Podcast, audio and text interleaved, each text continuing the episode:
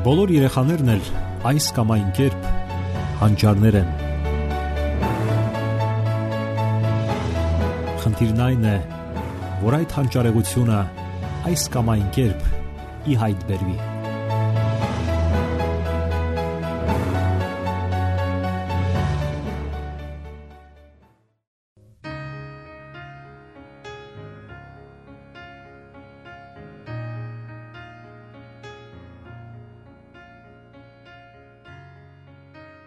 Բարև ձեզ սիրելի ռադիո լսողներ։ Եթերում դասյարակություն հաղորդաշարն է։ Ժամանակը չի խնայում ոչ մեկին, նույնիսկ մեր զավակներին։ Նրանք մեծանում են եւ կյանք մտնում։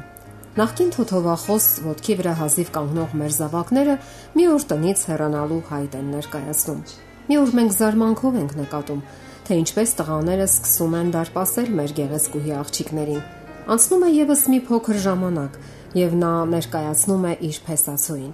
Ահա թե ինչու ծնողները պետք է պատրաստված մոտենան այդ օրվան եւ հանկարծակի չգան։ Չէ որ մեր զավակները մի օր ոդք են դնում այդ հրապուրիչ ճանապարհին, որը կոչվում է հասուն կյանք։ Իսկ մենք թախիծով հետևում ենք, թե ինչպես են նրանք լքվում ծնողական բույնը։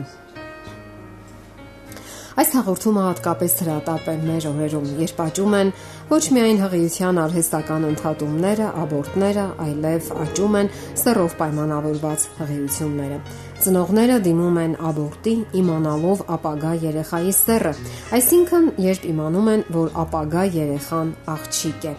Արդյոք սա ողբերգություն չէ ընտանիքների համար, հասարակության համար։ Զրկվել այն ուրախություններից, որ միայն կարող է ապարգևել աղջիկ զավակը իր քնքշությամբ եւ մեղմությամբ, սիրով եւ բարությամբ եւ մեծանալով նա կանացի ջերմությամբ է լցնելու իր հայրական տունը իսկ երբ գա հայրական տունը լքելու ժամանակը նա շարունակելու է իր հիշողություններում վերականգնել այն հրաշալին ու գեղեցիկը որ միայն կարող է տալ հայրական տունը հիշողություններ եւ հույզեր առաջին բառերը. Թոթով քայլվածքով դեպի մանկապարտեզ եւ առաջին գրքերով ուղևորությունը դպրոց։ Երբեք չմոռացվող հիշողություններ ու հույզեր։ Իսկ այս մտորումները հայրական մտորումներ են, երբ տնից հեռանում է իր արխայադուստրը, աղջիկը։ Արել եմ արդյոք ես այն ամենը, ինչ պետք է անեի։ Ինչ դեր պետք է ունենամ ես այդ պահից, ինչպես կարող եմ օգնել նրան եւ պետք է արդյոք օգնեմ։ Այս եւ այլ հարցեր անընդհատ մտատանջում են հորը։ Ճիշտ չէ, որ միայն երեխաներն են հասունանում։ Ծնողները նույնպես պետք է հասունանան։ Մենք մեծանում ենք մեր զավակների հետ միասին։ Մենք տեսնում ենք, թե ինչպես են նրանք սովորում եւ ինքներս էլ սովորում ենք դառնում ավելի հասուն։ Այն հայրը, որը խորհուրդներ է տալիս,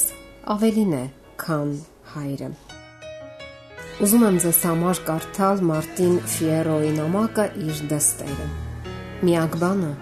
որ ես ցանկանում եմ, այն է, որ դու երջանիկ լինես։ Երջանկությունը դա անվերջ ծիծաղ չէ, այլ կյանքի իմաստը հասկանալը, հստակ նպատակները եւ մտածածի կոնկրետ իրականացումը։ Ահա թե ինչու ես հույս ունեմ, որ դու կյանքի կկոչես քո այն բոլոր ցանկությունները եւ դիտավորությունները, որոնց մասին այնքան խոսում էիր։ Աղջիկս, ես այնքան եմ ցանկանում, որ դու ունենաս բավականաչափ համառություն, որն այնքան անհրաժեշտ է կյանքում, ինչպես նաեւ բավականաչափ ամբողջականություն, որpիսի համեստ լինես։ Իսկ համեստ լինել նշանակում է ընդունել, որ մենք սահմանափակ էակներ ենք եւ միևնույն ժամանակ չմոռանանք մեր ընտունակությունները եւ հնարավորությունները։ Նա ով կյանքում նպատակ ունի, առաջ է գնում առանց նահանջելու եւ չի հանձնվում։ Նա, ով հետևում է նախանշված ուղուն, հասնում է նավահանգիստ, չնայած բոլոր տեսակի հողմերին։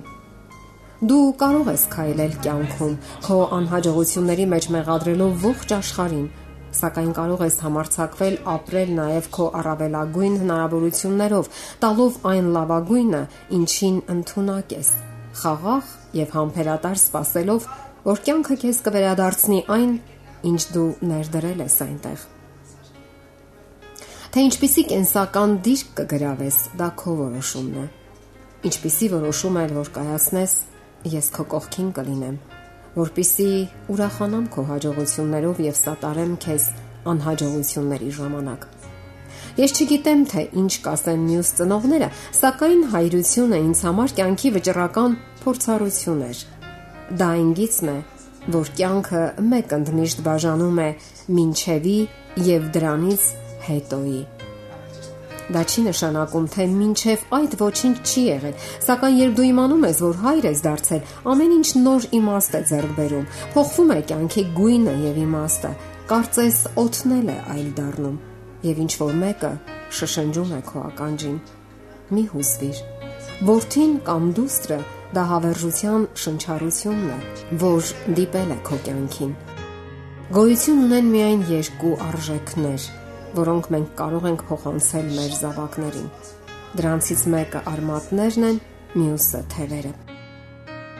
Ես չեմ ցանկանում, որ ինչ որ բան վնաս պատճառի քեզ։ Ես ցանկանում եմ, որ միշտ քո կողքին լինեմ, որpիսի հանգստացնեմ քո ցավը եւ սրբեմ քո արցունքները։ Ես սիրով պահպանում եմ քո կյանքի 17 տարիների փոքրիկ վկայությունները, քո գրած առաջին բառը, քո փոքրիկ ափի ուրվագիծը իմ լայն ափի մեջ, քո առաջին նամակը ինձ, բացիկներ եւ շատ այլ իրեր, որոնք մեկ առ մեկ չեմ կարող թվարկել։ Երբևէ ես դրանք կփոխանցեմ քեզ բացատրելով յուրաքանչյուր առարկայի նշանակությունը, որpիսի դու կարողանաս պատմել այդ մասին քո զավակներին, որpիսի նրանք իմանան, որ քո հայրը սիրում է քեզ, որպես երկնային ապարքև, որպես Աստծո լավագույն նվերը։ Ես գիտեմ, որ ամենալավագույնը, որ մենք ծնողներս կարող ենք անել մեր զավակների համար, նրանց համար հիանալի հիշողություններ ապահովելն է։ Ես հավատում եմ, որ կարող եմ երջանիկ հիշողություններ թողնել քեզ, որ դու կունենաս հիշողությունների մի ամբողջ գանձարան, որոնց կարող ես դիմել, երբ հանկարծ կյանքը դառնա տխուր եւ քեզ համար ծանր լինի նայել աշխարհին, իսկ ապագան թվա անհեռանկար եւ անհույս։ Քո յուրաքանչյուր արցունքը, յուրաքանչյուր վիշտը եւ ցավը ասեղի ցակոցներ են, որ ցավ են պատճառում քո հորը եղիր երջանիկ։